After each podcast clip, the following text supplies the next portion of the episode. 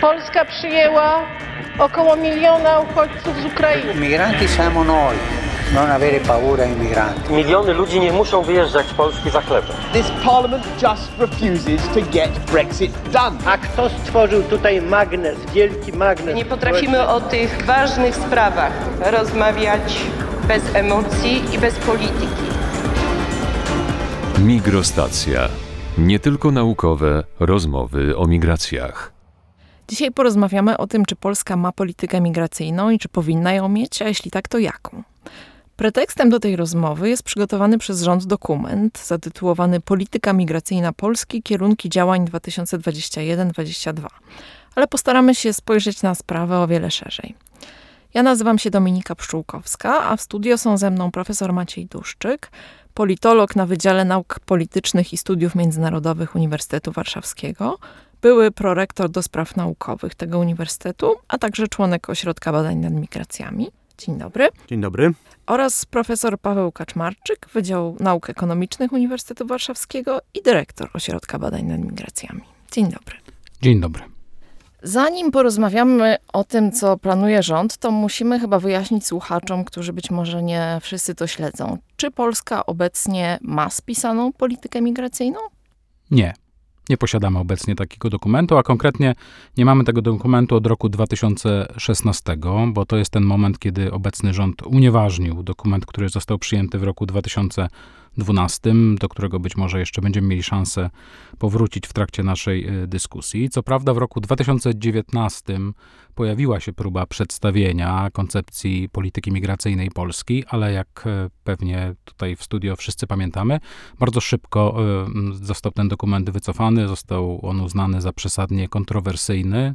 Zresztą z tą opinią zgodzili, zgodziła się większość obserwatorów i skutek jest taki, jak powiedziałem na początku, w tym momencie nie istnieje żaden dokument, który można by uznać za sformalizowaną wersję strategii migracyjnej Polski. Od wielu miesięcy rząd taki dokument zapowiadał. Miała się pojawić doktryna migracyjna, czyli taki metaplan działań w sferze migracji i także dokument o charakterze krótkookresowym. To, co dostaliśmy, to jest diagnoza stanu wyjściowego, czyli próba spojrzenia na sytuację migracyjną Polski i ten dokument został zaprezentowany w końcu minionego roku, a przed kilkoma dosłownie dniami został zaprezentowany projekt dokumentu, o którym powiedziano na początku, czyli kierunki działania na lata 2021-2022. O tym dokumencie jeszcze porozmawiamy, ale no prawda jest taka, że może nie mamy spisanej polityki migracyjnej, ale jednak Polska jakąś politykę migracyjną prowadzi. To czy możemy y, zdiagnozować, jakie są główne cechy tej y, prowadzonej w praktyce polityki? Tak, generalnie rzeczywiście jest tak, jak mówił Paweł, że nie mamy takiego dokumentu, który by wszystko nam spinał w jakimś jednym, jednym dokumencie, który można byłoby nazwać e, e, dokumentem strategicznym dla polityki migracyjnej. Natomiast oczywiście m, Polska akurat jest państwem, w którym napływ imigrantów od kilku lat jest bardzo znaczący. A więc prowadzone są działania, które z jednej strony mają dać podstawę tych wjazdów i pobytów, ale również powrotów.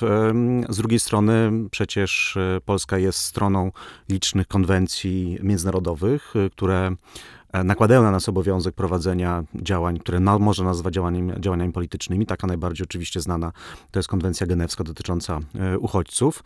Natomiast e, jeżeli byśmy spojrzeli sobie na to, jak Polska realizuje politykę migracyjną, no to można powiedzieć, że to jest e, selekcja jednak migrantów pod kątem różnych ich cech. Przykładowo tak najbardziej takim powszechnym tytułem, statusem, na, na podstawie którego cudzoziemcy do Polski wjeżdżają, i są tak zwane oświadczenia pracodawców, które, które mogą być wydawane tylko dla obywateli sześciu państw a więc e, to już jest pewnego rodzaju selekcja dotycząca narodowości, ale również e, pojawiają się kwestie dotyczące segmentów rynku pracy niektórych, których na przykład można łatwiej wjechać, e, a w innych takich możliwości nie ma. Czyli można powiedzieć, że w dużej części Polska decyduje się na tak zwaną selektywne podejście, czyli wybiera sobie tych imigrantów, które z jej punktu widzenia wydają się najbardziej atrakcyjni, ale z drugiej strony lepiej czy gorzej, ale jednak stara się wypełniać zobowiązania międzynarodowe. Tu jest dużo kontrowersji oczywiście dotyczące o tym, czy na przykład osoby, które z terenu Białorusi, a nie są Białorusinami, próbują wjechać do, do Polski, czy mają takie możliwości, czy nie, ale można powiedzieć, że tutaj Polska e, poprzez swoją legislację stara się wypełniać te zobowiązania, na które nakłada na nie e, członkostwo w Unii Europejskiej, czy ratyfikowane konwencje, na przykład Międzynarodowej Organizacji Pracy, czy Organizacji do Spraw Migracji. Ja się w pełni zgadzam z tym, co przed chwilą zostało powiedziane, a mianowicie, że nie trzeba mieć oficjalnego dokumentu, żeby prowadzić politykę. To jest y, oczywiste. Natomiast zwróciłbym uwagę na to, że w przypadku Polski mamy do czynienia z pewnym paradoksem, chociaż ten paradoks y, jest być może zamierzony. Polega on na tym, że na poziomie oficjalnej retoryki można by uznać, że Polska nie jest krajem e, przyjaznym imigrantom, zwłaszcza tym, którzy pochodzą z krajów odległych kulturowo i pewnym kategoriom imigrantów, o czym przed chwilą była mowa.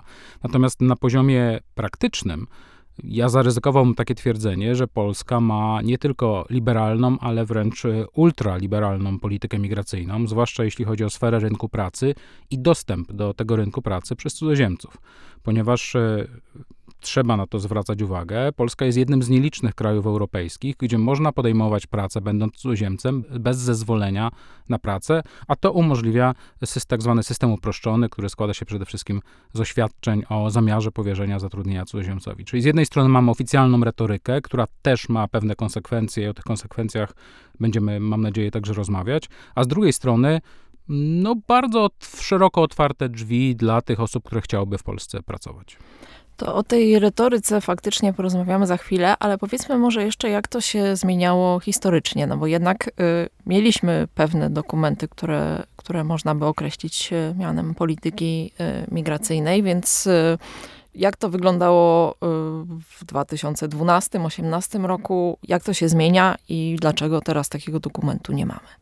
Czy w takim telegraficznym skrócie można powiedzieć, że historia e, po 1989 roku migracyjna rozpoczyna się e, na promie. E, dlaczego? Ponieważ mamy gronę, grupę uchodźców, która z Polski przedostaje się do Szwecji, ale wtedy zostaliśmy uznani już jako e, państwo bezpieczne i Szwedzi zawrócili tych uchodźców do Polski i nagle okazało się, że Polska nie ma tak naprawdę żadnej podstaw prawnych, e, które można byłoby tym osobom udzielić wsparcia i od tego zaczęła się historia tworzenia jakichkolwiek dokumentów e, dotyczących imigracji do Polski. To oczywiście był incydent.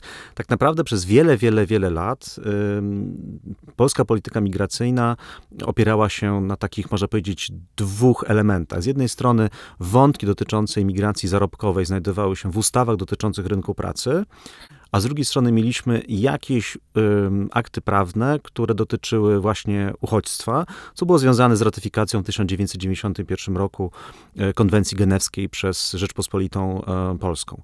Pierwszy tak naprawdę taki całościowy dokument to jest 2012 rok, w którym to w wyniku działań, e, decyzji podjętych tak naprawdę w roku 2007 i 2008 właśnie o tym uproszczonym systemie e, zatrudniania cudzoziemców, najpierw tylko i wyłącznie w rolnictwie, a następnie praktycznie we wszystkich segmentach rynku pracy w Polsce, spowodowało to, że trzeba było usiąść i zastanowić się nad spisaniem takich ogólnych zasad. I 2012 rok, akurat e, obydwaj z Pawłem mieliśmy okazję wtedy pracować nad tym, nad tym dokumentem. 2012 rok rząd polski przyjmuje taki dokument, który e, liczy bodajże sto kilkadziesiąt stron i porusza większość elementów kluczowych z punktu widzenia funkcjonowania państwa, która ma dwa oblicze. Z jednej strony ma duży potencjał emigracyjny. Pamiętajmy, że to już jest kilka lat po wejściu Polski do Unii Europejskiej i po zniesieniu okresu przejściowych, które kończą się w Polsce w 2011 e, roku, czyli taki dokument też musiał powstać jako reakcja na tą jednak falę migracyjną, którą, e, z którą mieliśmy do czynienia, a z drugiej strony rosnący napływ cudzoziemców e, do Polski i ten dokument wtedy został właśnie opracowany i e, przyjęty. E, to już była mowa, że został unieważniony w 2016 czy początku 2017 roku i następnie były podjęte tak naprawdę dwie próby tworzenia takiego dokumentu. Pierwsze, e, pierwsze tak dziwne miejsce, ponieważ w Ministerstwie do Spraw Rozwoju i Funduszy Strukturalnych wówczas taki dokument powstawał, ale minister wtedy za to odpowiedzialny po upublicznieniu kilku głównych test tego dokumentu mm, e, no, został e, pozbawiony swojego stanowiska. E, Natomiast drugi ten, drugi ten, ta próba, to już jest próba przez, podjęta przez Ministerstwo Spraw Wewnętrznych i Administracji. No, taki dokument, który spotkał się no, z bardzo ostrą reakcją ze względu na tak naprawdę no, ksenofobiczny język, który został w nim zastosowany, ale również i pewne rozwiązania, które były absolutnie absurdalne. Na szczęście bardzo szybko trafił tam, gdzie powinien, czyli, czyli do najgłębszych e, e, jakichś szuflad w ministerstwie. E, Natomiast y, os- ostatnia próba, której, e, która stała się podstawą naszego dzisiejszego spotkania, no to jest ten dokument, który został opracowany przez Ministerstwo Spraw Wewnętrznych i Administracji jako wiodący, ale tam ewidentnie widać w tym dokumencie, że, że bardzo silny jest e, wpływ Ministerstwa Rozwoju Rynku Pracy i Technologii, tak się obecnie nazywa to ministerstwo, ale również Straży Granicznej, e, no i Ministerstwa, Ministerstwa Polityki Społecznej, ponieważ, po- ponieważ po raz pierwszy e, dużą część do tego, tego, tego dokumentu zajmuje również kwestia polityki integracyjnej, o której bardzo często e, zapominaliśmy. To jest taka ostatnie zdanie ten temat. We wszystkich tych dokumentach wcześniejszych o integracji się prawie nie mówiło. Tu jest po raz pierwszy w tym dokumencie pojawia się integracja i to dobrze. Z pewnym wyjątkiem, bo o integracji mówiło się w dokumencie z roku 2012. Ja sobie zadałem ostatnio y, trud i przeczytałem jeszcze raz ten dokument po wielu latach i okazuje się, że on mm, w pewnych y, aspektach się nie zestarzał. Oczywiście on powstawał w zupełnie innych e, warunkach. E, To był moment, kiedy raczej e, mierzyliśmy się z potężną emigracją z Polski niż napływem do Polski. Natomiast w tym dokumencie zapisano wprost, że integracja jest, jeśli dobrze cytuję, jednym z warunków spójnego i tolerancyjnego społeczeństwa. I to był jeden z istotnych wkładów tamtego dokumentu. I też warto zwrócić uwagę, że on jednak definiował pewne priorytety, jeśli chodzi o politykę migracyjną. Mówił bardzo dużo o priorytecie rynku pracy, definiował także grupy priorytetowe. Byli to choćby studenci, absolwenci, ale także cudzoziemcy mm, polskiego pochodzenia, więc w tym kontekście e, wydaje się, że nawet dzisiaj warto do tamtego dokumentu wracać. Ale co, jeszcze, co jest jeszcze istotne, to e, pamiętasz, Paweł, w 2012 roku, kiedy- kiedy ten dokument się ukazał, jedną z decyzji zapisanych w tym dokumencie było to, że ma powstać strategia dotycząca integracji, jako dokument w Ministerstwie wtedy Pracy i Polityki Społecznej, bo tak chyba ono się wtedy nazywało. I ten dokument nigdy nie powstał. Znaczy powstał pierwsza taka, była taka próba, gdzieś się on ukazał e, w takich dyskusjach administracyjnych, ale on nigdy nie ujrzał światła dziennego, więc z tego punktu widzenia my nie mieliśmy tak naprawdę tej drugiej części, drugiej istotnej nogi, kiedy mówi się o migracjach, e, tej nogi integracyjnej. E, Poza tymi wyjątkami, o których powiedziałeś e, z tym dokumencie w 2012 roku, tutaj jednak w tym, tym dokumencie, który dzisiaj leży na stole, no powiedzmy, patrząc na to, to 25% jego jest poświęcone integracji i to dobrze, tak? Pytanie oczywiście, czy to jest dobre podejście, które nam zostało zaproponowane, ale samo to, że mówi się o integracji, o konieczności e, tak odejścia od takiego modelu e, bez integracji, czyli przyjmujemy i następnie ci ludzie wracają do siebie, co wiadomo, że nie działa, wreszcie pojawia się taki, taki moment, w którym Polska zaczyna być traktowana jako państwo w pewien sposób imigracyjne, których imigranci wejdą do naszego społeczeństwa jako jego stały element. I to jest chyba dobre podejście. No i chyba zaskakujące w tym dokumencie jest też to, że ta integracja jest przedstawiana jako proces dwukierunkowy. To znaczy nie tylko przybysze mają się dostosować do nas, ale też my do nich. To jest chyba jeden z elementów zaskakujących tego. Przeszliśmy płynnie do aktualnego dokumentu. E, Tak, tak. Tak, to pewnie jedno z większych zaskoczeń, ale ni- niezwykle z mojej perspektywy przynajmniej pozytywne zaskoczenie, ponieważ ten dokument y, poprzedni, o którym tutaj dość niechlubnie się wyrażaliśmy, jego jedną z większych wad było to, że traktował migrację z takiej perspektyw y, asymilacyjnych, to znaczy oczekiwał, że cudzoziemcy, którzy będą chcieli w Polsce pozostać na dłużej albo e, będą chcieli się osiedlić, będą musieli dostosować się e, do mm, polskiego społeczeństwa pod każdym poziomem, włączając nawet e, kwestie religijne, bo to zostało tam wprost zapisane. Tutaj mamy inne założenie. Założenie takie o to, że mm, obecność cudzoziemców w danym społeczeństwie oczywiście rodzi pewne wymagania wobec tej konkretnej grupy, ale także stawia pewne wymogi społeczeństwu, które przyjmuje tych imigrantów. I to jest ta istota integracji. Wiemy oczywiście, że samo pojęcie jest obecnie kontestowane, jest kontrowersyjne, ale wydaje mi się, że to jest bardzo duży krok e, naprzód, jeśli chodzi w ogóle o rozumienie migracji i także definiowanie migracji, integracji w dokumentach takiej rangi. I z jednym zastrzeżeniem, e, moim zdaniem prawidłowym tak naprawdę, ponieważ w tym dokumencie mówi się jednak o spójności społecznej. Więc napływ imigrantów, napływ imigrantów nie może e, powodować tego, że to społeczeństwo przyjmujące staje się mniej spójne. Ono i tak jest bardzo mało spójne tak naprawdę, bo przecież różnimy się bardzo mocno od siebie, ale napływ cudzoziemców nie powinien generować dodatkowych problemów związanych ze, ze, ze spójnością. Em, wiem, że dużo osób nie zgadza się z takim podejściem, ale Akurat y, w przypadku Polski, która jednak jest jakimś tam bardzo mocno homogenicznym społeczeństwem, no to w tym pierwszym okresie, w którym się znajdujemy, dobrze, że akurat takie podejście zostało mm, zaproponowane, a więc patrzy rzeczywiście na integrację jako, jako zjawisko dwukierunkowe, ale mówi się również jednak, że cudzoziemcy przyjeżdżając do, do Polski e, powinni się dostosować do pewnych warunków e, tutaj tolerancyjnego, ale jednak społeczeństwa, które ma pewne mm, ograniczenia to chyba jest, y, jest y, troszkę taka lekcja z państw Europy y, Zachodniej. To jest zabezpieczenie się przed gettoizacją um, imigracji i, i co jednak zjawiskiem w niektórych państwach w Europie Zachodniej występującym, a więc tutaj troszkę uczymy się na, na, na błędach innych, innych państw, ale tak jak, tak jak już to było powiedziane, istotne jest również to, że również Polacy muszą się w pewien sposób nauczyć żyć z cudzoziemcami. To nie tylko i wyłącznie oni mają być niedostrzegalni, mają się wtapiać, ale również e, e, Polacy powinni zaakceptować pewne różnice, które związane są z imigrantami e, i mm, stworzyć też taki wymiar społeczny, który, który e, będzie akceptował e, imigrantów, e, o ile oczywiście również oni będą akceptować nas. I to jest coś, co, co, co wydaje mi się w tym dokumencie podejściem prawidłowym. Pewnie można by to jeszcze troszkę inaczej napisać, ale, ale ja akurat z tym, z tym problemu nie mam. Tak, znaczy w tym współczesnym ujęciu integracja jest po pierwsze procesem, a po drugie jest procesem, który angażuje bardzo wielu aktorów. No i w tym kontekście mm, no, trzeba docenić, wydaje mi się to, że pojawia się w dokumencie postulat stworzenia tak zwanej krajowej sieci integracji, która z założenia miałaby właśnie grupować te różne podmioty, czyli samych migrantów, e, przedstawicieli trzeciego sektora, instytucji różnych publicznych, niepublicznych i to ten zbiór aktorów miałby być odpowiedzialny za tworzenie konkretnych narzędzi integracyjnych. Nie wiemy oczywiście, jak w praktyce miałoby to wyglądać, ale sam postulat wydaje się być atrakcyjny. Czyli sposób mówienia o integracji w tym dokumencie jest dla nas pewnego rodzaju e, zaskoczeniem, pozytywnym zaskoczeniem. Czy ten dokument generalnie jest zaskakujący w kontekście narracji e, rządzących i w kontekście praktyki? Ja myślę, że po tym dokumencie z 2019 roku nasze oczekiwania w stosunku do dokumentu rządowego były na bardzo niskim poziomie. I ten dokument to spełnia. Tak, znaczy w tym dokumencie ja muszę powiedzieć, że jestem trochę zaskoczony z tego powodu, że mm, nie spodziewałem się jakby dokumentu, który y, będzie napisany językiem, w jakim powinno się mówić o migracjach. On jest bardzo ogólny, ale w związku z tym, że jest tak napisany, no to my się z tego powodu cieszymy.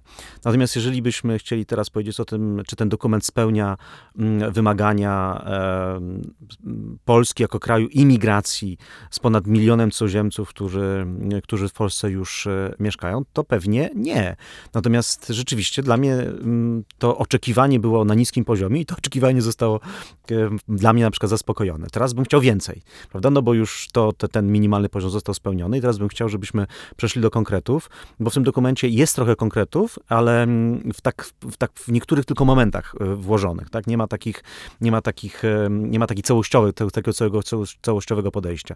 Wydaje się ten dokument tak stworzony, że w pewnym momencie ktoś miał jakiś pomysł i ten pomysł się wszystkim spodoba, dlatego został, e, został zapisany. Ktoś miał inny pomysł, może się nie spodobał i dlatego w innych przypadkach jest to na dużym, większym poziomie um, um, ogólności. A, natomiast ten dokument jeszcze wymaga, mówiliśmy o spójności w innym wymiarze, ale ten dokument na pewno wymaga jeszcze uspójnienia, ponieważ momentami um, może nie jest sprzeczny ze sobą, ale pomija kilka rzeczy.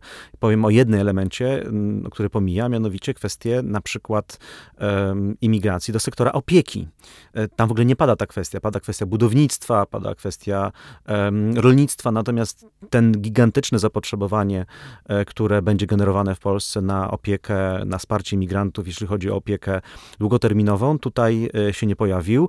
Prawdopodobnie wygrał pogląd, e, który jest poglądem ideologicznym, mówiący o tym, że to rodzina powinna opiekować osobami zależnymi, a nie imigranci. I chyba tak mogę tylko domniemywać, dlaczego ten, ten, ten akurat aspekt, który jest absolutnie kluczowy, się w tym dokumencie nie znalazł, a szkoda, bo było chyba miejsce, żeby o tym też parę zdań powiedzieć. Tych zaskoczeń jest oczywiście o wiele więcej. Dla mnie największym zaskoczeniem było to, że w dokumencie nie pojawia się kontekst y, pandemii. I, I to zaskoczenie jest o tyle większe, że tak się składa, y, iż wiemy dobrze o tym, że ministerstwo pracuje nad tym tematem, co więcej ma odpowiednią bazę danych, ponieważ Uniwersytet Warszawski uczestniczył w przygotowaniu ekspertyzy dotyczącej wpływu procesów pandemicznych na, na zjawiska migracyjne. Jest to ciekawe, zaskakujące, bo ten dokument ma bardzo krótki, krótką perspektywę czasową, więc y, trudno byłoby założyć, że w tej perspektywie ten, ta pandemia nie będzie miała wpływu na zjawiska migracyjne, a mimo tego to pominięto. Natomiast jeżeli, wracając do całości dokumentu, jeżeli ja miałbym określić ten dokument jednym słowem, to powiedziałbym, że jest on bezpieczny. Jest on na tyle bezpieczny, że prawdopodobnie większość e, osób może się zgodzić z tym, co się w tym dokumencie znalazło, co niestety nie oznacza z mojej perspektywy, że jest to dokument e, dobry, ponieważ on e, pomija dwa istotne wymiary polityki migracyjnej, tak jak ja ją rozumiem. To znaczy nie zawiera elementów doktrynalnych, to znaczy nie tworzy ram do prowadzenia długofalowej polityki migracyjnej. Tego się z tego dokumentu wprost nie dowiemy. Możemy coś wyczytać między słowami.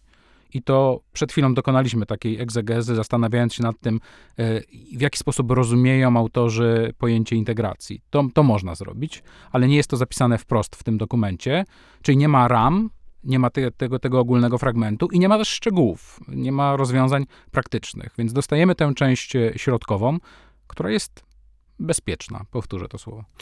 Tak, tylko że też ułożenie tego dokumentu, bo nie wiem, pewnie nasi słuchacze niekoniecznie musieli się z nim zapoznać, jest pewien taki, też z, nie, z niej można, z tego układu można niektóre rzeczy wyczytać, mianowicie pierwszy rozdział jest poświęcony migracji ekonomicznej, czyli migracji zarobkowej do Polski, głównie e, oczywiście e, tej selektywnej, czyli głównie z tych państw, które są blisko kulturowo dla nas, czyli, co tu dużo mówić, Ukraina, Białoruś, ewentualnie Rosja, ale te dwa główne państwa to, to Ukraina i Białoruś. Dopiero na drugim miejscu mamy tą kwestię dotyczącą nielegalnych migracji, później dopiero uchodźcy, później integracja i tak dalej, i tak dalej. Także jednak pokazuje to pewnego rodzaju sposób myślenia o migracjach. Migracje są, myśl, są postrzegane w kontekście czysto ekonomicznym, tak?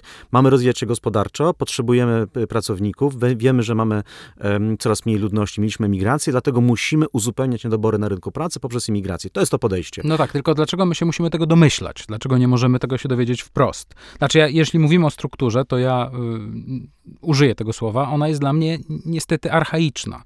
Znaczy, ona raczej odpowiada pewnej silosowości w tworzeniu różnego rodzaju polityk, bo ty, to, no, znów, y, słuchacze nie, nie, znają struktury, ale ona wygląda tak, że pierwszy rozdział dotyczy legalnej imigracji, a drugi nielegalnej imigracji. I teraz pytanie dla mnie podstawowe jest takie, jaki sens ma rozdzielanie tych dwóch procesów, skoro my wiemy doskonale, że de facto granica między legalnością a nielegalnością jest często bardzo trudno uchwytna.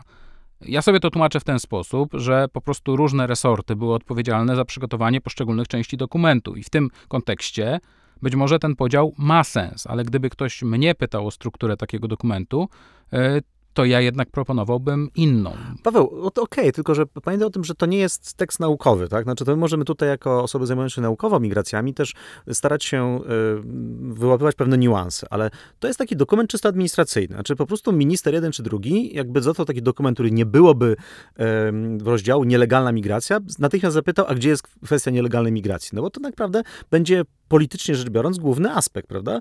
Więc dlatego to zostało w taki sposób ułożone. Trochę bronię w tym momencie urzędników, no bo sam pracowałem w administracji przez kilka lat i dlatego mogę sobie wyobrazić, jak ten dokument powstaje. Tak? Znaczy trzeba napisać czasami łopatologicznie, bo, bo ci ministrowie, no to nie oszukujmy się, większość z nich, no to nie jest jakimiś, jakimiś gigantycznymi tuzami, znajdują, którzy się zajmują migracjami i będą czytać ten dokument w jakiś sposób, w jakiś sposób taki bardzo e, pogłębiony. Tak? Zobaczą pewne rzeczy i moim zdaniem to podejście net jest niezłe. Co dla mnie kluczowe w tym wszystkim, ten dokument ma 23 strony, a więc da się go przeczytać, tak, w miarę, w miarę szybko.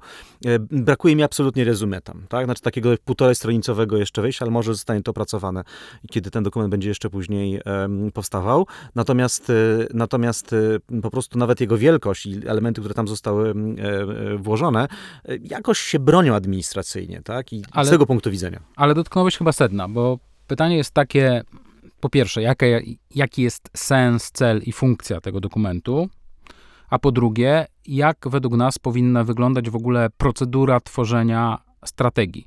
Akurat w tym przypadku strategii e, migracyjnej, ale pewnie każdej, każdej innej. I oczywiście ja rozumiem, że to, że tak długo czekaliśmy na każdy z tych dokumentów, o których dzisiaj mówiliśmy, to wynika z pewnej pragmatyki funkcjonowania administracji publicznej i tworzenia tego typu dokumentów. Znaczy, to polega na tym, że zbiera się pewien wkład z różnych resortów, potem się próbuje go wspólniać, tworzyć e, pewną, pewną wizję. I ja osobiście, ja rozumiem tę pragmatykę, tak, rozumiem, że tak to działa, ale mm, mam jakiś wewnętrzny sprzeciw, czy tak być powinno. I mogę podać prosty kontrprzykład. Y, to się wydarzyło no, kilka raptem tygodni temu, kiedy została upubliczniona strategia ekonomiczna dla Francji, która jest wynikiem zbiorowego wysiłku grupy wybitnych naukowców, y, włączając w to kilku noblistów, naprawdę wybitnych naukowców, którzy współpracując z administracją francuską, stworzyli dokument, który jest jednak w pewnym sensie wizjonerski który jest w stanie postawić trzy główne wyzwania i zastanawiać się nad próbami odpowiedzi na to pytanie. I teraz y, dla mnie kluczową kwestią dzisiaj jest to, czy nam wystarcza dokument, który jest bezpieczny i odpowiada potrzebom polskiej administracji, czy nie potrzebujemy raczej dokumentu, który będzie wizją, będzie próbą zmierzenia się z sytuacją, która nie oszukujmy się, jest z punktu widzenia niezwykle wymagająca. Tylko, że, tylko, że e, profesor życie, bo powiedzieć o wizji, tak? Znaczy, generalnie w polityce jest trochę tak, że jak masz wizję, no to się połóż i może ci przejdzie, prawda? No bo to jest, e, administracja jednak rządzi się trochę innymi, e, innymi prawami. Powiedziałeś o Francji, zgoda, ale w tym samych dniach mamy opublikowany dokument brytyjski, który jest skandaliczny, kompletnie bez sensu, prawda? I z dziurami, takimi błędami, które Brytyjczykom nie powinny się zdarzyć. No, przeniesienie do Europy Europy, nawet do Wielkiej Brytanii, która tak trochę jest w Europie, trochę nie jest w Europie, ale rozwiązań australijskich z wszystkimi już doświadczeniami, błędach tego systemu jest jakimś kompletnym absurdem, tak? Czyli z jednej strony mamy Francję, która rzeczywiście pokazała niezły dokument, a z drugiej strony Wielka Brytania, która pokazała dokument absolutnie archaiczny, który nie odpowiada na, na jakiekolwiek zapotrzebowanie, jest czystym politycznym dokumentem mówiącym o tym, Wielka Brytania zamyka się na imigrantów, nie będą nam tutaj e, więcej przyjeżdżać, prawda? A więc e, dlatego gdzieś ten nasz dokument, ja bym go gdzieś wpisywał gdzieś w pośrodku, tak? On jest pewną, pewną, pewną próbą i dlatego ja bym chciał więcej. Oczywiście, że ja bym chciał więcej, natomiast pytanie, czy przyjdzie więcej. Cieszę się, że ten dokument, y, jeżeli ten dokument jest pewnym konsensusem pomiędzy różnymi wizjami, to wizjami znowu, to jednak e, cieszę się, że, że on e, nie zawiera takich elementów, na których można byłoby się skupić, powiedzieć, zwariowali, tak? On takich rzeczywiście też nie ma. Nie, ma, nie, nie jest oczywiście, mm, nie ma tych elementów takich, które byśmy przyjęli z wielką ochotą, mówiąc o tym, że rzeczywiście ktoś usiadł i ma e, świetny pomysł na to, jak, jak Polska powinna korzystać z migracji, ale z drugiej strony nie ma jakichś skandalicznych błędów, które zdarzały się w przeszłości. A inne dokumenty, które są przyjmowane na poziomie um, polskiego rządu, y, niestety takie błędy wielokrotnie mają, a więc i tak tutaj mamy pewnego rodzaju postęp. Cały czas y, zastrzegam się jednej rzeczy, moje moje, jakby, moje oczekiwania były na bardzo niskim poziomie. Tak? I dlatego jestem jakoś tam zadowolony. E, I zadam mm, być może prowokacyjne pytanie. Czy jest możliwe, żeby w obecnej sytuacji Polska miała dobrą politykę migracyjną tylko i wyłącznie na poziomie policy, a nie na poziomie politics? Bo jak rozumiem, ten dokument jest sformułowany w takich kategoriach policy, czyli raczej pragmatycznych, wynikających z codziennego trybu funkcjonowania administracji, natomiast y, bardzo oszczędnie traktuje te kwestie polityczne. To jest moje pytanie. Czy możemy w Polsce mieć dobrą politykę migracyjną, jeżeli nie zdefiniujemy sobie tych wyzwań, które mają charakter polityczny? I tak, i nie. Dlaczego nie? Z tego powodu, że e, jeżeli by taki dokument powstał, to za, odpo, odpowiedzialność za niego powinna być wzięta przez czynniki polityczne, czyli tak naprawdę przez premiera, albo przez y, rządzącą partię. Tak? Ponieważ tylko i wyłącznie wtedy taki dokument może mieć odpowiednią moc. My, to jest dokument podpisany przez podsekretarza stanu w Ministerstwie Spraw Wewnętrznych i Administracji, prawda? My nie znamy jego statusu do końca, tak? Wiemy o tym, że administracja na poziomie pod, maksymalnie podsekretarza stanu stworzyła taki dokument i okej. Okay. Natomiast jeżeli byśmy teraz, wyobraźmy sobie następującą sytuację, że ten dokument powstaje w kancelarii premiera albo jest przygotowany przez posłów obecnej koalicji rządzącej, Zjednoczonej Prawicy, mielibyśmy powtórkę z 2019 roku. A więc dlatego ja nie mam dzisiaj, uważam, że akurat w tym przypadku tego, tego, tego typu dyskusji cieszę się, że na tym etapie, na tym poziomie ten dokument powstał, a nie został przyniesiony, nie został upolityczniony w sposób taki skrajny, bo wtedy, jeżeli by został upolityczniony, to stałby się elementem gry politycznej, a nie wiemy, kiedy będą wybory, i wtedy byśmy wrócili do tej absolutnej absurdu, z którym mieliśmy do czynienia, czyli migrant jest twoim wrogiem. Tak? Ale, ale to oznacza, że godzimy się z tym, że nie mamy i nie będziemy mieć doktryny migracyjnej. Nie, będziemy mieli, tylko prawdopodobnie ona przyjdzie, tak? Znaczy ona trochę powstanie, powstanie później. Znaczy może, może też będzie większa w pewien sposób akceptacja ze strony społeczeństwa. Pamiętajmy o tym, że politycy mają za zadanie utrzymać władzę lub ją zdobyć. Tak, a więc będą słuchali, yy, będą używali tych argumentów w taki sposób, żeby ten cel osiągnąć. W poprzednich wyborach straszenie migrantami było, stało się elementem kampanii. Dzisiaj mam straszymy y, LGBT, y, prawda, ale to nie znaczy, że za chwilę nie, znowu nie wrócimy do straszenia y, uchodźcami, tak? A więc y, tego, mi się, tego mi się bardzo, bardzo obawia. Także ja w, akurat w tym przypadku jestem przeciwnikiem upolitycznienia kwestii migracji. Jak nie będzie upolityczniona, da się coś zrobić. Pamiętajmy o tym, że tu są ludzie. Jeżeli upolitycznimy to, to natychmiast to zejdzie na niższe poziomy i ucierpi kto? Polskie rodziny, ci imigranci, e, przedsiębiorcy, którzy zatrudniają, bo będziemy mieli problem. Także wolę troszkę ciszej o tym mówić dzisiaj i taki dokument, żeby powstał na niższym poziomie, ale żeby jednak był dokumentem, który został przyjęty na drodze administracyjnej, niż e, starać się bardzo mocno upolitycznić ten problem, bo się po prostu tego najnormalniej w świecie boję. Tu pełna zgoda, tylko pytanie jest takie, czy jesteśmy w stanie uniknąć upolitycznienia migracji w Polsce. Ja się może podzielę taką obserwacją, która wynika z lektury tego dokumentu. Osobiście bardzo się cieszę, że znalazł się tam taki aspekt, który był podnoszony przez y, wiele osób i instytucji, a mianowicie ten, który dotyczy działań skierowanych, informacyjnych skierowanych do społeczeństwa polskiego, które na to wskazuje wiele badań, nie tylko, że nie jest przygotowane do przyjmowania cudzoziemców, ale nawet można by powiedzieć, że jest przygotowane coraz gorzej, bo te postawy zmieniają się w sposób negatywny.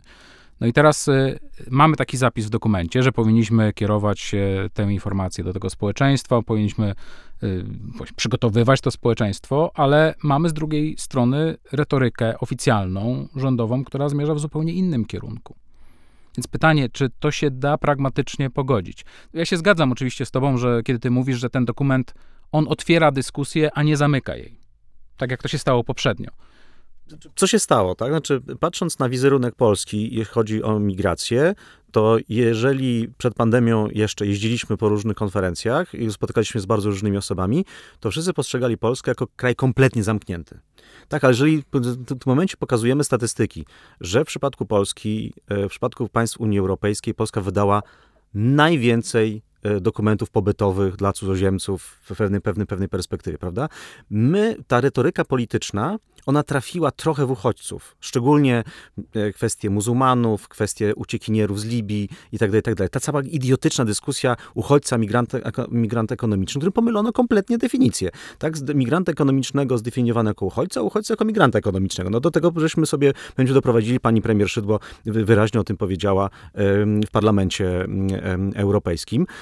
Natomiast y, y, prawda była też taka, że jednak, y, jednak ta, ten, ta retoryka antyimigracyjna, tak naprawdę antyuchodźcza, antymuzułmańska, ona się nie przełożyła jednak na takie działania zamykające polski rynek pracy dla selektywnej imigracji, głównie z Ukrainy wtedy. Tak? Że mieliśmy, takie, mieliśmy taką trochę dychotomię kompletną. Z jednej strony mówimy, Polska jest krajem, który nie wpuści nikogo, żadnego imigranta. Oczywiście pomożemy tylko i wyłącznie tym, który życie i zdrowie jest zagrożone, a żadnego migranta ekonomicznego nie przyjmiemy. A tak naprawdę wpuszczaliśmy setki tysięcy migrantów ekonomicznych, tylko z Ukrainy, zamykając się na, nawet na chore dzieci y, uchodźcze z Libii czy Syrii. A więc naprawdę żyliśmy jakimś kompletnej, kompletnej, kompletnej paranoi. Ale chodzi mi o to, że ten, ta, ta mocna retoryka antyimigracyjna w pewnym momencie nie przełożyła się na decyzje dotyczące migracji ekonomicznej i ja też tak trochę postrzegam ten dokument, prawda?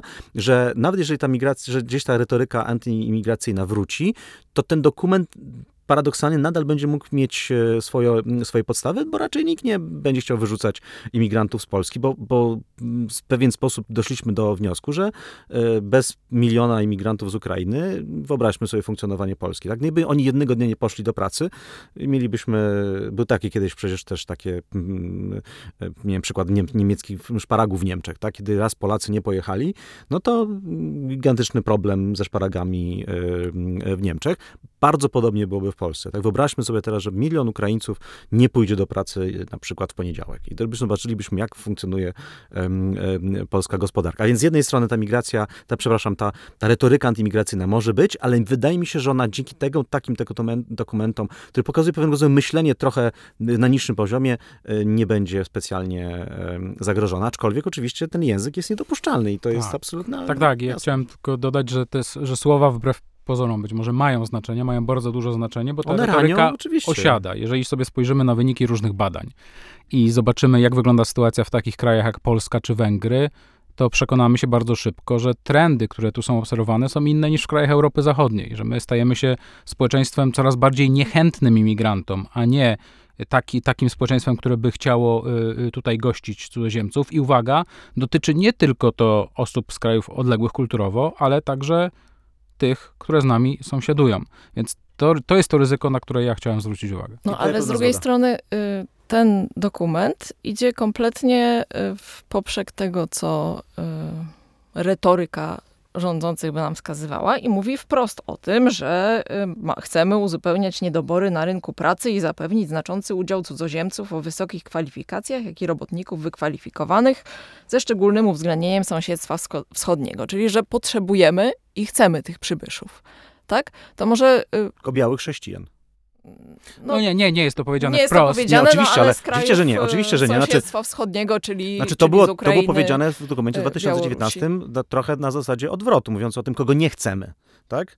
Natomiast, y, tak, natomiast a tutaj w tym przypadku... już nie ma ani słowa o tym, kogo no, nie chcemy, ale, jest o tym, kogo ale chcemy. kogo chcemy, ale kogo chcemy. Znaczy, jeżeli mówimy o tak naprawdę Ukraińcach, Białorusinach, no to mówimy o, no, no, przepraszam, po prostu teraz ja się językiem, który pewnie nie, nie, nie powinien mieć miejsca, ale tak naprawdę białych chrześcijan. No bo to jest trochę tego typu, y, nie, nie zostało napisane bezpośrednio, ale tak jest. Ale to ja was zapytam tak prowokacyjnie, czy to jest słuszna droga? To jest decyzja polityczna dotycząca selektywnej polityki migracyjnej. Czy ona jest słuszna, czy nie? Nie wiem. Dla mnie nie ma większego znaczenia, jeżeli ktoś wchodzi na rynek pracy. Ja nie, nie, nie, nie patrzę to przez y, element dotyczący pochodzenia tej osoby.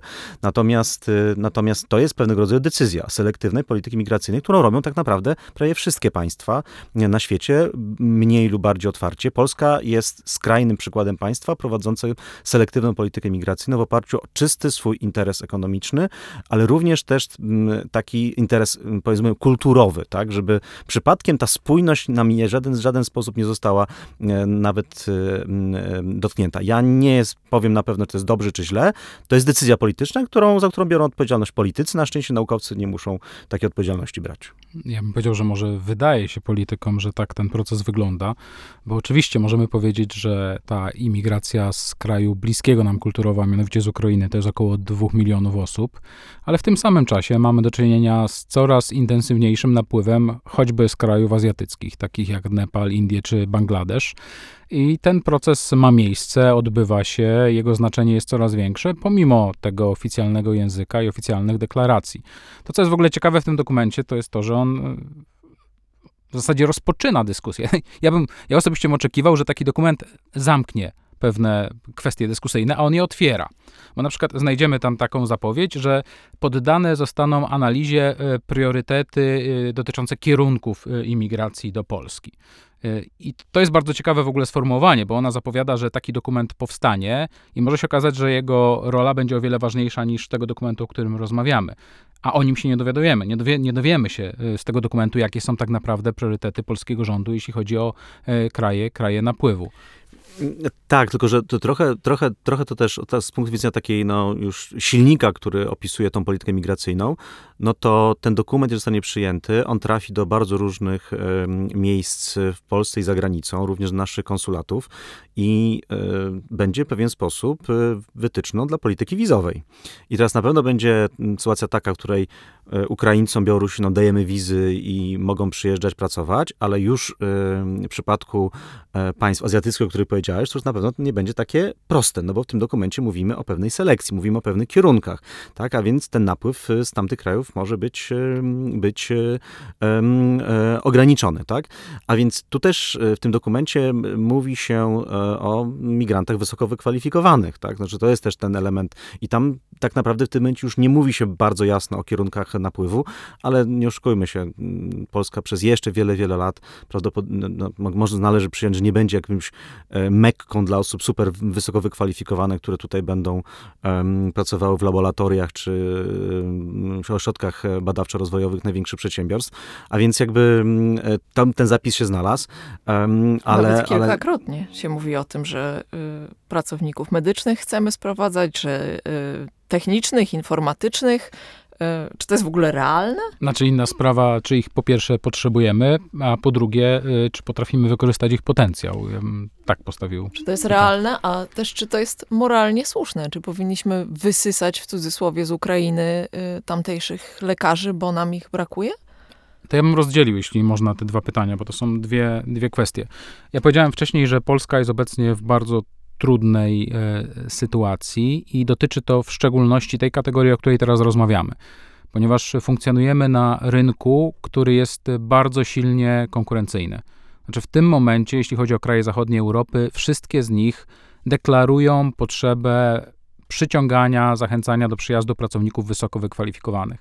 Najlepszym y, przykładem, jak to działa w praktyce, jest doświadczenie tak zwanej niebieskiej karty, która funkcjonuje w sposób y, no, fatalny. Ja nie boję się tego powiedzieć od wielu lat. Teraz jesteśmy w procesie reformy, y, ale to doświadczenie pokazuje, że wiele krajów potraktowało niebieską kartę tylko jako punkt odniesienia do prowadzenia własnej, bardzo ekspansywnej często polityki. Agresywnej. Nawet. Agresywnej polityki zmierzającej do przyciągania tych, tych, tych osób. I to jest z mojej perspektywy jeden z największych zarzutów wobec tego dokumentu. Znaczy pytanie, jeśli my chcemy te osoby zachęcać do przyjazdu do Polski, to czy my możemy sobie pozwolić na to, żeby posługiwać się jakimiś konwencjonalnymi rozwiązaniami? W mojej ocenie nie. Znaczy musimy działać o wiele bardziej odważnie i szukać rozwiązań nietypowych.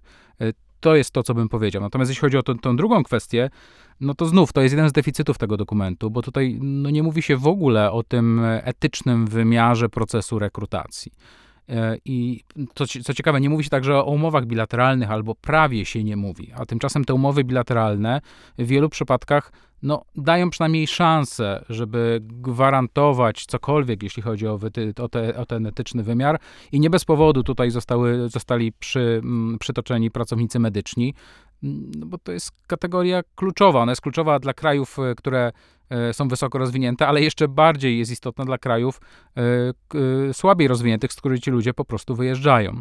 I znów mamy doświadczenia wielu krajów, choćby Wielkiej Brytanii, gdzie z mniejszym lub większym powodzeniem udaje się stosować pewne reguły postępowania. Może warto byłoby się do nich odwołać. Ja muszę powiedzieć, że dla mnie też było uderzające, jak e, małą część tego dokumentu zajmuje kwestia e, migracji, czy też powrotnych e, migracji Polaków. Policzyłam sobie cztery strony i to jeszcze półtorej strony tak naprawdę dotyczy tych migrantów poakcesyjnych, którzy niedawno wyjechali, a reszta dotyczy repatriacji Polaków ze wschodu. E, to czy to znaczy, że e, polskie władze już e, zrezygnowały z realnej nadziei, że ci ludzie wrócą do Polski? Czy może z jakichś powodów nie chcą, żeby wracali? No jest bardzo trudne, tak? Znaczy, akurat też razem z Pawem byliśmy twórcami takiego projektu, nazywał się Powrotnik, taki E, I, i, I, te doświadczenia są bardzo trudne, tak? Znaczy, po pierwsze ci ludzie muszą, to, znaczy oni muszą do czegoś wrócić, tak? Znaczy, rzeczywiście sytuacja ekonomiczna w Polsce jest, e, jest dobra, ale oni jednak są przyzwyczajeni po iluś tam latach pracy, e, szczególnie na takich no, rynkach pracy jak na przykład niemiecki, czy francuski, czy holenderski, do pewnych innych standardów, tak? I to, ten rynek pracy jest jednak tam dużo bardziej zaawansowany niż, niż u nas. I rzeczywiście jest taki, jest taki problem. Natomiast to nie jest tak, że my tych powrotów nie mamy, tak? Tak? Tych powrotów wbrew pozorom jest, e, jest sporo, tylko że one są powodowane takimi trochę emocjonalnymi e, czynnikami. Ktoś po prostu przyjeżdża, bo rodzice są tutaj, tak, i decyduje się na powrót z wywodów rodzinnych, tak. Ktoś e, stwierdza jednak, że tam już nie chce żyć, ponieważ, nie wiem, nigdy nie nauczył się języka i chce wrócić do państwa, którym, którym mówi się w tym języku, którym się najbardziej płynnie posługuje. No, tysiące różnego rodzaju e, kwestii, które są tu istotne, ale zgadzam się z Pawłem, że po prostu tutaj niezmiernie trudno zapro- zaproponować coś i to jest krótkookresowy dokument, to jest przewidziany na dwa lata, a więc taki jakiś, taki, taki jakiś instrument, którego można byłoby sprawdzić wskaźnikiem za dwa lata, czy się udało, czy nie. W przypadku powrotów naprawdę to byłoby mm, nie, niezmiernie trudne. To, co mi się wydaje w tym dokumencie, gdybym miał, wybrać jedną rzecz, e, którą bardzo bym chciał, żeby w tym dokumencie się, żeby się sprawdziło, żeby, żeby, żeby, e, żeby mm, e, mógł ocenić ten dokument pozytywnie za dwa lata, to ta część administracyjna. Jeżeli by nam się udało udrożnić ścieżkę przyznawania prawa pobytu e, dla cudzoziemców, em, dopuszczania ich do rynku pracy, to byłby gigantyczny sukces. Jakby dało się to zdigitalizować, żeby naprawdę można było to w miarę łatwo zrobić, żeby ci ludzie nie stali w tych kolejkach, e, żeby nie, ten status ich w pewnym momencie nie był taki dwuznaczny, ponieważ niby sprawa już jest w urzędzie, czekają na rozstrzygnięcie, ale im się kończą wizy, nie wiedzą, czy mają wracać, czy zostać. To jest, znaczy trochę, mówiąc brzydko, upodlenie tych ludzi przez system administracyjny polski. Więc jeżeli by się to udało zrobić, to naprawdę byłoby absolutnie fantastycznie i, i to jest dla mnie kluczowa kwestia w tym dokumencie. Taka może najmniej znacząca, ale taka na usprawnienie administracji obsługi cudzoziemców w Polsce. Dostosowanie ich do tej gigantycznej skali, która jest, to byłoby naprawdę rewelacja. Tylko czy to się może stać bez istotnego zwiększenia nakładów i zwiększenia zasobów, choćby ludzkich? Y, Dla mnie dość uderzające jest to, jak często w tym dokumencie i w ocenie skutków regulacji pojawia się sformułowanie, że ten projekt nie, genera, nie generuje dodatkowych nakładów finansowych. Y, Ja nie wiem, jak można przeprowadzić takie reformy instytucjonalne, które tutaj są zarysowane, bez zwiększenia nakładów. Ale być może autorzy o tym będą opowiadać, być może mają jakiś pomysł. Natomiast ja bym chętnie wrócił jeszcze do tej kwestii. e, Znaczy, Paweł, tutaj jedna rzecz. Znaczy, tam jest jedno odwołanie dotyczące Krajowego Programu Odbudowy. Prawda? Mówi, mówi się, że to jest ten, to, to źródło. Znaczy, generalnie w Polsce, jak, jak jest jakiś projekt, który trzeba sfinansować, to jest jedno źródło, Unia Europejska. Prawda? I, i to będzie tak zawsze, prawda? Natomiast pytanie jest, czy, czy to jest w ogóle, czy to da się da zrobić, czy, czy, to nie wiem, tak? Natomiast wydaje, wydaje mi się, że ta reforma administracyjna, o której mówiłem, ona może być akurat sfinansowana em, z tych źródeł na odbudowę, ponieważ naprawdę no, digitalizacja, usprawnienie em, mogło być tutaj zrobione, ale zgadzam się oczywiście, ja to że, to, że to, jest, koszt- to znaczy to będzie kosztować. Znaczy, ja to rozumiem, ja po prostu Chyba nie w roz... tych zapisach po prostu chodzi, że wytworzenie tego konkretnego dokumentu nie kosztuje. Ach, Ale może wszystko inne tak. oczywiście, że kosztuje. No, tak, to- zapisy na przykład, że y, z, musimy zwiększyć podaż mieszkań dla imigrujących, tak. no to y, Tak, więc- generuje olbrzymie koszty, więc ja trochę miałam takie wrażenie, że Aha, no, być papier inaczej. jest cierpliwy, tak i wszystko przyjmie, ale, A to może ale będzie zadanie dla samorządu. Niewykonalne. Właśnie, być może Bez trzeba pieniędzy. zadać takie pytanie w konsultacjach społecznych. Natomiast ja bym chętnie wrócił do e, tej kwestii dotyczącej Polaków za granicą, imigrujących Polaków. Ponieważ e, Maciek się wcześniej ze mną zgodził, to ja się teraz muszę nie zgodzić z samym sobą, ponieważ ja, wcale tak nie uważam, że, e, że my nie mamy tutaj pola manewru. I może ciekawostka numer jeden najpierw. E, Nie wiem, czy wiecie, ale w Polskim Ładzie jest taki dokument, znalazł się zapis o wiele bardziej konkretny niż ten, który jest, które są w tym dokumencie, ponieważ tam się znalazł zapis dotyczący ulg podatkowych dla Polaków wracających z zagranicy. To ciekawe, bo tutaj niczego takiego nie ma, takiego konkretnego zapisu. E, Ciekawostka numer dwa. E, W latach 2018-19, jeśli się nie mylę, Wiedeński e, Instytut ICMPD realizował projekt na zlecenie jednego z polskich resortów i ten projekt de facto odnosił się do większości kwestii, które są poruszane w tym dokumencie. Co więcej, odnosił się do tych kwestii w sposób bardzo pogłębiony i bardzo praktyczny, także na poziomie analizowania doświadczeń różnych krajów, nie tylko europejskich, łącznie z analizą możliwości zastosowania tych instrumentów w przypadku Polski. Dla mnie dość smutne jest to, że w tym dokumencie nie znajdziemy nawet śladu tamtych rozważań. I teraz, jeżeli mówimy o Polakach za granicą, Oczywiste jest to, że mamy bardzo niewielkie możliwości oddziaływania na ich decyzje o powrocie, ale możemy na przykład tworzyć pewne mechanizmy współpracy z diasporą. Tego w tym dokumencie nie E, znajdziemy. Jest, jest wspomniane. No, Wspomniane, tak? Ale nie Wspomniane. ma, Że nie ma, mają konk- być. nie ma Że mają być, że tak. mają być, ale nie ma konkretów. Nie znajdziemy tutaj informacji dotyczącej kwestii reintegracji na wielu, wielu poziomach i znów to nie jest tak, że tych y, doświadczeń praktycznych nie ma. Ja się na chwilę od, odwołam znów do, to będzie ciekawostka numer 3, bo w ocenie skutków regulacji jest taki punkt dotyczący doświadczeń innych krajów Unii Europejskiej albo OECD w tym temacie i tam jest taki zapis brak danych na ten temat. Znaczy, to by znaczyło, że poruszamy się w absolutnej próżni i musimy się przekopywać przez ten przodek i szukać rozwiązań. Nie, one są. Oczywiście warto rozmawiać na ten temat, czy i na ile można je zastosować w przypadku Polski, ale one są.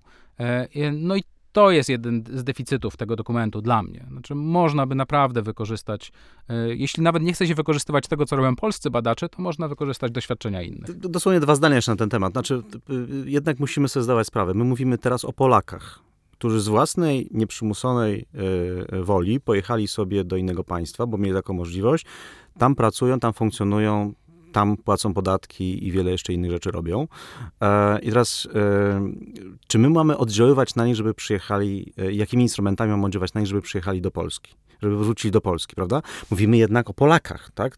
To jest w pewnym sensu działanie państwa polskiego w stosunku do Polaków w ramach, w ramach procesów migracyjnych. Jednak, dla mnie jednak państwo, jeżeli ma cokolwiek robić, to jednak w stosunku do cudzoziemców, bo tak powinna być mniej więcej stworzona, um, do tego dotyczy tak naprawdę polityka migracyjna. Ja e, jestem, no, może nauczony doświadczeniem, raczej nie jestem tutaj zwolennikiem aktywnego państwa, które oddziałuje na własnych obywateli, bo się po prostu tego trochę boję.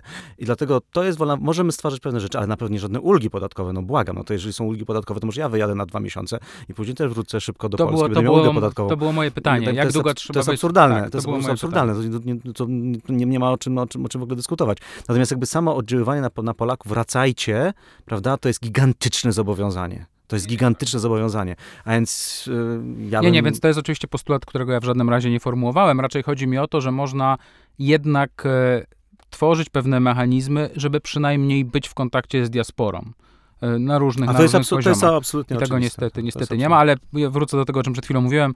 E, też sobie zadawałem takie pytanie, na jak długo trzeba wyjechać e, z Polski, żeby móc otrzymać tę ulgę podatkową? E, ale tymczasem dziękuję bardzo za rozmowę. E, Gośćmi podcastu Ośrodka Badań nad Migracjami byli profesor Maciej Duszczyk i profesor Paweł Kaczmarczyk. A już teraz zapraszamy Państwa na kolejne odcinki podcastu, w których badacze OBM opowiedzą m.in. o migracjach z Ukrainy do Polski i o tym, jak Brexit wpłynął na plany migracyjne Polaków. Dziękuję bardzo. Dziękujemy. Dziękujemy.